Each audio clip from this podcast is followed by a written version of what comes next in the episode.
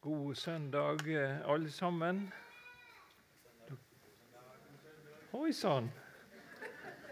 Respons. Det var veldig kjekt. Ei glede og ei ære for meg å få komme hit til misjonssalen. Veldig kjekt å se dere og faktisk høre dere også. La oss be. Kjære Jesus, takk for at vi kan samles om ditt ord. Og Nå ber vi at du ved Din Hellige Ande må gjøre slik at vi kan forstå ordet ditt, og at vi kan leve etter det. Og hjelp meg at jeg skal dele med å være sant og rett. I ditt navn, Jesus. Amen. Eh, siden jeg er ute her da, og, og så eh, Men jeg stammer egentlig fra Kvitsøy i Rogaland, ute i Buknafjorden der. og da er ikke det unaturlig for, eh, for, eh, meg å komme litt inn på havets kardinal. Eh, og Da snakker ikke vi om Petter Dass eller andre geistlige, men det handler om en kar. Og han er da freda fram til 1. oktober. Og vi snakker altså om um, hummeren. Eh, hummerfisket er i gang. Og hummeren er altså en fascinerende skapning. Nå fikk jeg ikke helt kontakt med denne. her. Jeg vet ikke hva som gjør det. Men vi har nå et bilde av et hummer, så dere kan se hva det er for noe. Visste dere at hummeren han eldes ikke? Han blir ikke gammel. Eh, forskeren sier at han beholder egenskapene sine gjennom hele livet og viser ikke tegn til aldring. Eh, og det selv om en, en, en hannhummer han kan bli 40 år, og ei hoe kan faktisk bli oppe 70 år gammel. Eh, og blir ikke gammel, altså. Eldes ikke. Lever han evig, da? Nei, han, han gjør ikke det. For eh, han må skifte skall hele tida til hvert som han vokser. Og når han er blitt så svær, eh, så er det til slutt så krevende å skifte skall at eh, han har ikke ressurser til det. At han, han, at han klarer ikke mer. Altså. Det er fascinerende. Og så er det annerledes med oss mennesker. ikke sant? Vi eldes. Fornyinga av cellene den går seinere og seinere. Om ikke du ser det på deg sjøl, så ser du det i hvert fall på andre.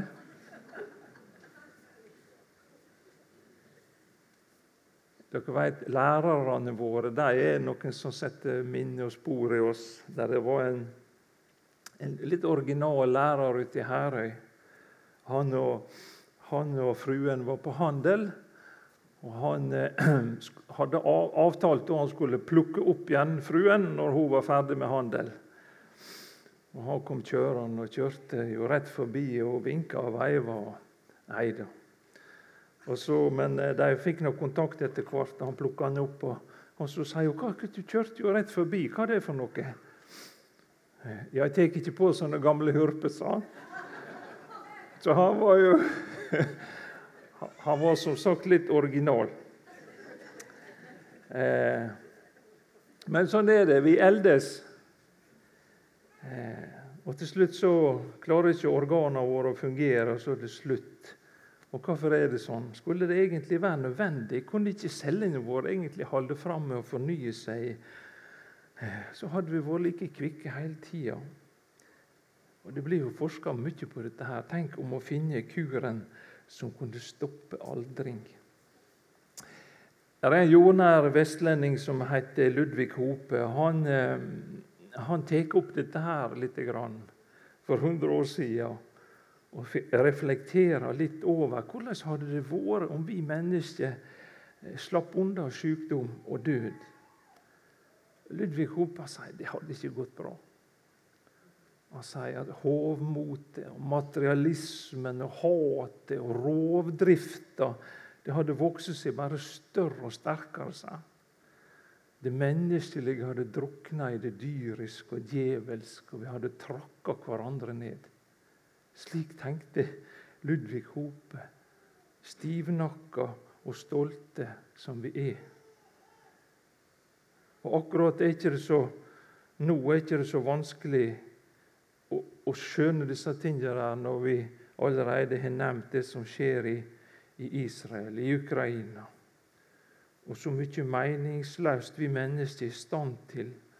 Så mye vondt vi kan gjøre mot hverandre.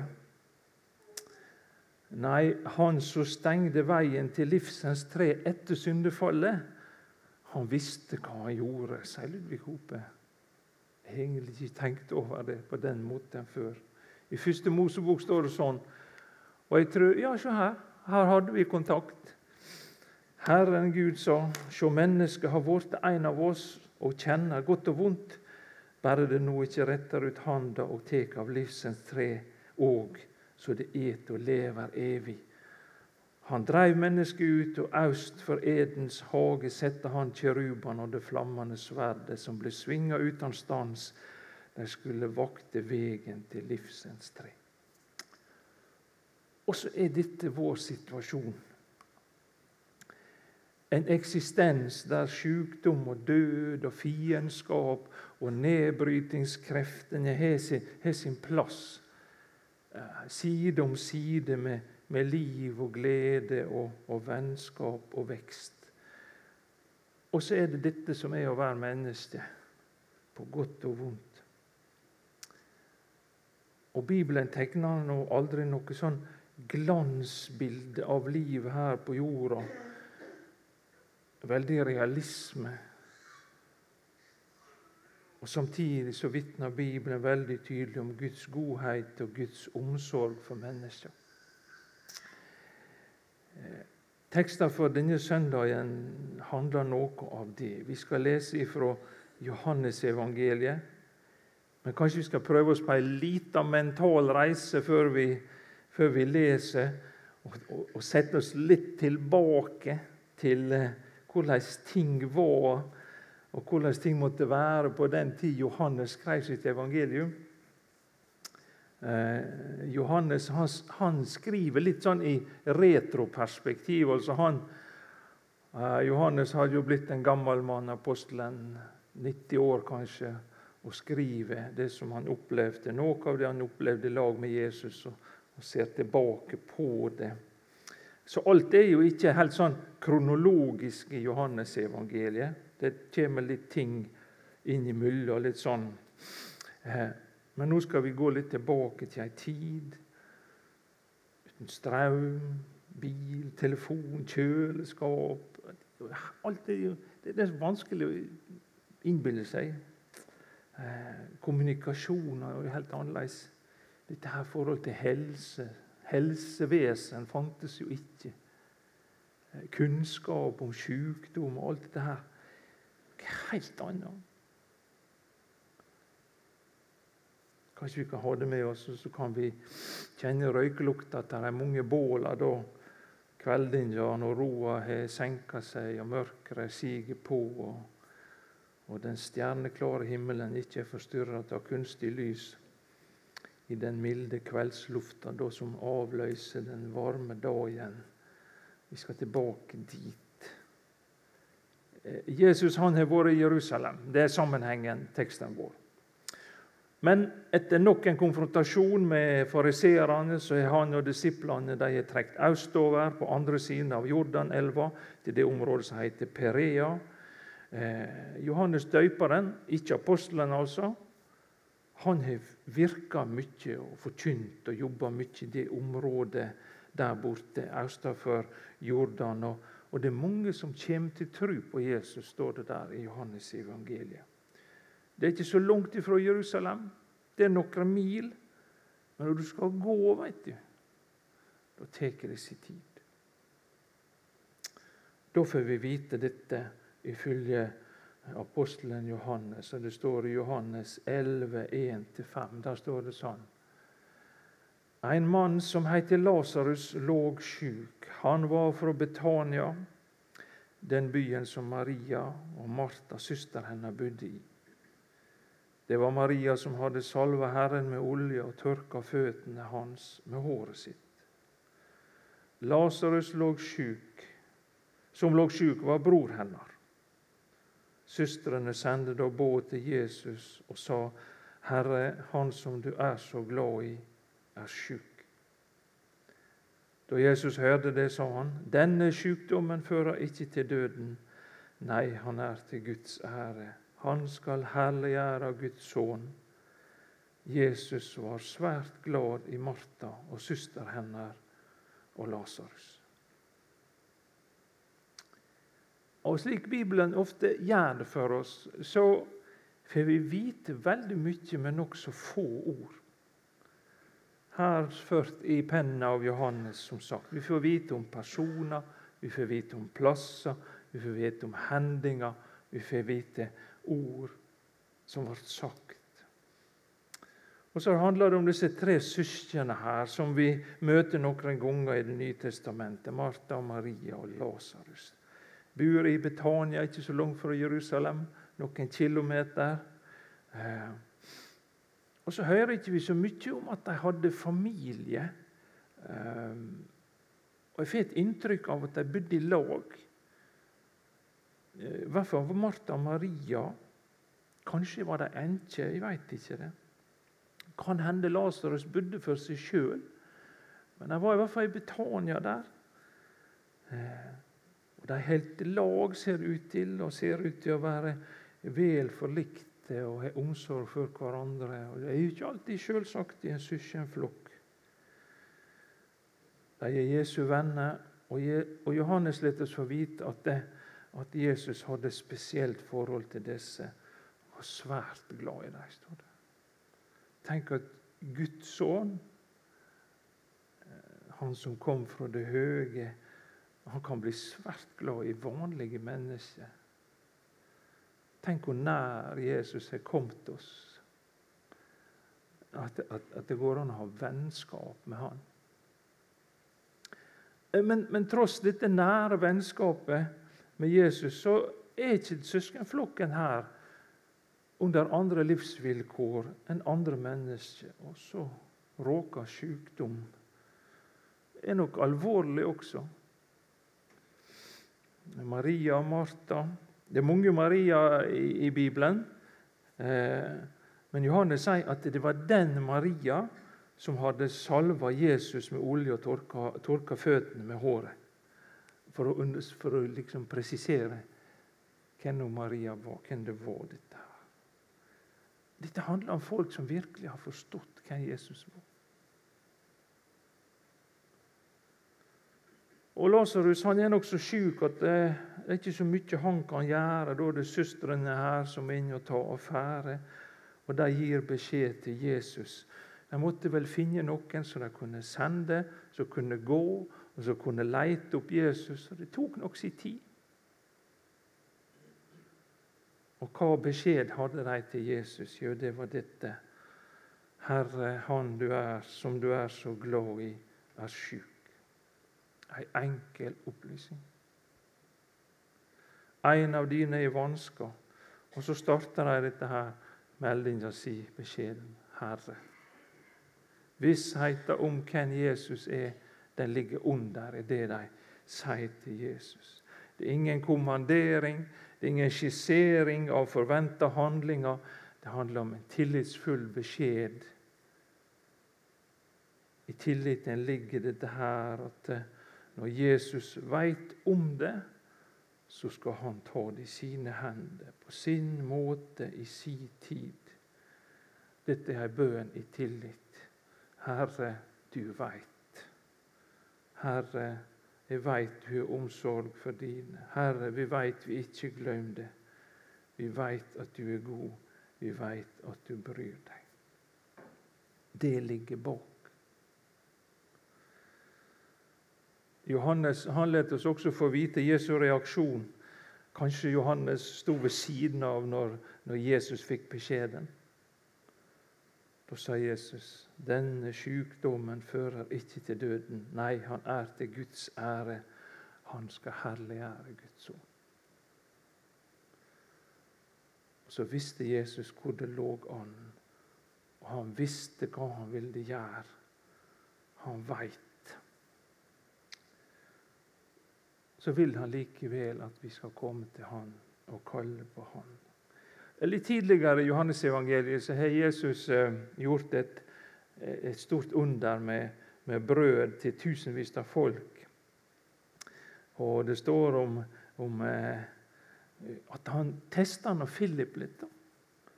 Eh, når alle som fulgte ham, kom, så, så, så sier Jesus til Philip hva skal vi kjøpe brød så alle disse kan få mat? Det sa han for å prøve Philip. For han visste sjøl hva han ville gjøre. En test for Philip. Hva hadde Philip fått tak i? Hva hadde han forstått? Men Jesus visste sjøl hva han ville gjøre. I Salme 50 så står det sånn Kall på meg den dagen du er i naud, så vil jeg frie deg ut, og du skal gi meg ære. Forstår ikke alt dette med bønn. Eh, men Jesus han vil vi skal komme til Han med alle ting, i tillit, så vi kan erfare Hans godhet og Hans omsorg til ære for Han. Og Så kan vi nå tenke litt på, på dette her med Lasarus og sykdommen. og Vi veit ikke så mye men, eh, men, når vi er syke, da er ikke det mye tess med oss. altså. Eh, men tenk, dette var det Jesus brukte til å vise sin herligdom. Eh, til ære for Gud. Jeg var på noen møter nå i veka som tilhører. Det er fint. Der, ble det snakka litt om disse tomme karene de tomme kara. Det er de Jesus kan bruke. Jeg er lett for å tenke annerledes at det er når jeg kjenner meg liksom sterk og frimodig og liksom tror på meg sjøl, og at det da skal liksom ting gå bra og alt dette her. Som regel er det tvert om. Slik òg med Lasarus sin veikskap. Tenk det det også kunne bli til Guds ære. Det er noe som er nesten forbudt å si. Det er dette uttrykket. Det er vel en mening med det. Og jeg forstår. Og dette er jo en setning som kanskje kan gjøre vondt verre. Uh, å møte folk i krise med noe sånt, det, det Ja. Likevel så må ikke dette få oss til å utelukke at det vansker vi møter i livet, det også kan være noe med Guds vei med oss. Ikke for å straffe, for å plage oss, men for å vise oss vei og for å holde oss på veien for at ikke vi skal gå glipp av det beste og det mest verdifulle. Og så kan også Gud bruke våre tap og vår svakhet og våre nederlag til noe helt annet enn, det vi ser for oss. Hadde hadde, hvem hadde jeg vært hvis jeg hadde bare medgang og lykke i livet? Når du syns det er galt nå, så skal jeg love dere hadde vært verre. Og hvor hadde det vært hvis det var, alt gikk på skinner alle tider? Så tror jeg det er litt sånn at eh, sånn som tidene er, så er det jo mange som føler på det ikke strekker til og ikke er bra nok, og kjenner seg dømt. og en merkelig tid på mange måter. Og Da tror jeg at det, det vitnemålet for en kristen som har fått hjelp i sine vanskeligheter, fått hjelp i sine nederlag og i sine fall, det vitnemålet tror jeg gjør mer inntrykk enn de vitnemålene om hvor vellykka og hvor velsigna og hvor bra alt er. Og så kan nå livet føles urettferdig oppi det hele. Og det må jeg bare si at noen opplever utrolig mye motgang. Det er nesten vanskelig å tro at, forstå at en klarer å bære det. Og så er det ikke så mange alternativ likevel, annet enn å legge det fram for Gud, også når vi syns livet er urettferdig og vanskelig. Det er lov å klage. Salmene viser oss det. Da er det 'Hvorfor, Gud? Hvor lenge, Gud?' roper de. Og samtidig så klamrer de seg til dette her, at Gud er rettferdig og god. Jeg kjenner en som ble eh, eh, nesten knust under et tre under arbeid i skogen. Han var helt ødelagt, altså. Men han overlevde. Det ble en lang, tid med sykehus og operasjoner, spesialister og medisinering. Han sa sjøl han hadde nok sagt forskjellig i morfinrus. Eh, og så, så sa han det var en av sykepleierne der en dag. Han lå hardt skada. Han, han, mente hun var østlending, så han snakka litt sånn østlending. sånn så du tror på Gud, du? hadde denne sykepleieren sagt. Ja, svarte han, sikkert rikelig medisinert. Har du noe bedre forslag? Nei, jeg har jo ikke det, sa sånn. Jeg syns det var fint, dette der. Har, noe, har du noe bedre forslag? Eh. Søskenflokken der i Betania de leide stort tap. Du kan lese Johannes kapittel 11 når du kommer hjem i, i eh, Johannesevangeliet. Det er et langt og innholdsrikt kapittel der. Det gikk ikke bra med Lasarus. Han døde. Maria og Martha de mistet bror sin, og døden vant igjen. Slik er dette livet vi har fått til låns. Og Jeg har sitert det før, uh, før dere, men jeg, jeg, liker det egentlig så godt. Jeg tror jeg må sitere det igjen. At livet det er som en dalende dag. En stakket stund har legemets liv i til gave. Og slektene skifter som løv i lund i jordens frodige have. Så synker vi stilt, så har vi vårt sted blant tusen glemte graver. Det er en sånn rå realisme i det, synes jeg. Det her blant tusende glemte graver. Eh, om somrene så har jeg en sånn sommerjobb eh, da jeg, jeg slår gresset på gravplassene ute i Herøy. Eh, og det er jo mange gravplasser der ute. Det, det er jo øyer, da, så hver øy har liksom hatt sin gravplass, da, sånn som det var før i tida. Nå er det nok andre med bru og alt dette her, da, men den store gravplassen ute her på Flysund er over 2000 graver. Det er en hel jobb. Eh, det skal jeg si dere. Eh, og, så, og så, ser vi, så, så, er det litt forskjellig. da. Noen graver er jo fint stelt og ordna. Andre er gjengrodde. Andre er kanskje har steinen velta. Og, og, og, eh, og en plass så, så ligger der en sånn stein der litt ned i bakken der. Var skikkelig sånn gjengrodd. Um, og hvis du går inn på steinen der og prøver å se litt hva som står der, så kan du se at det helt svakt nede det står det 'Minnet lever'. står det. Eh, jeg er redd at det minnet ikke er så levende. Det ser ikke sånn ut. Men eh, Herren, han glemmer ikke sine. Og som Lasarus ble kalla ut av sin grav Nå går jeg litt videre Johan, i kapittel 11. Av Han som sigrer over døden, så skal jeg også en dag bli reist opp av min grav. Ja, alle som tror på Jesus, Og Derfor kan jeg leve livet mitt i åpenhet og ærlighet uten frykt for den siste fiende. Vi starta med, med, med, med, å snakke om hvordan tilgangen til livsens tre var stengt.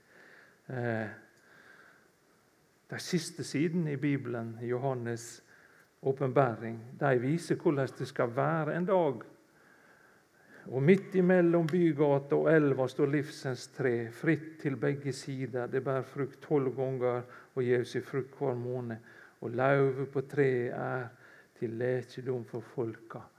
Sele de som vasker kappene sine, så de får rett til å ete av livsens tre og gå inn mellom portene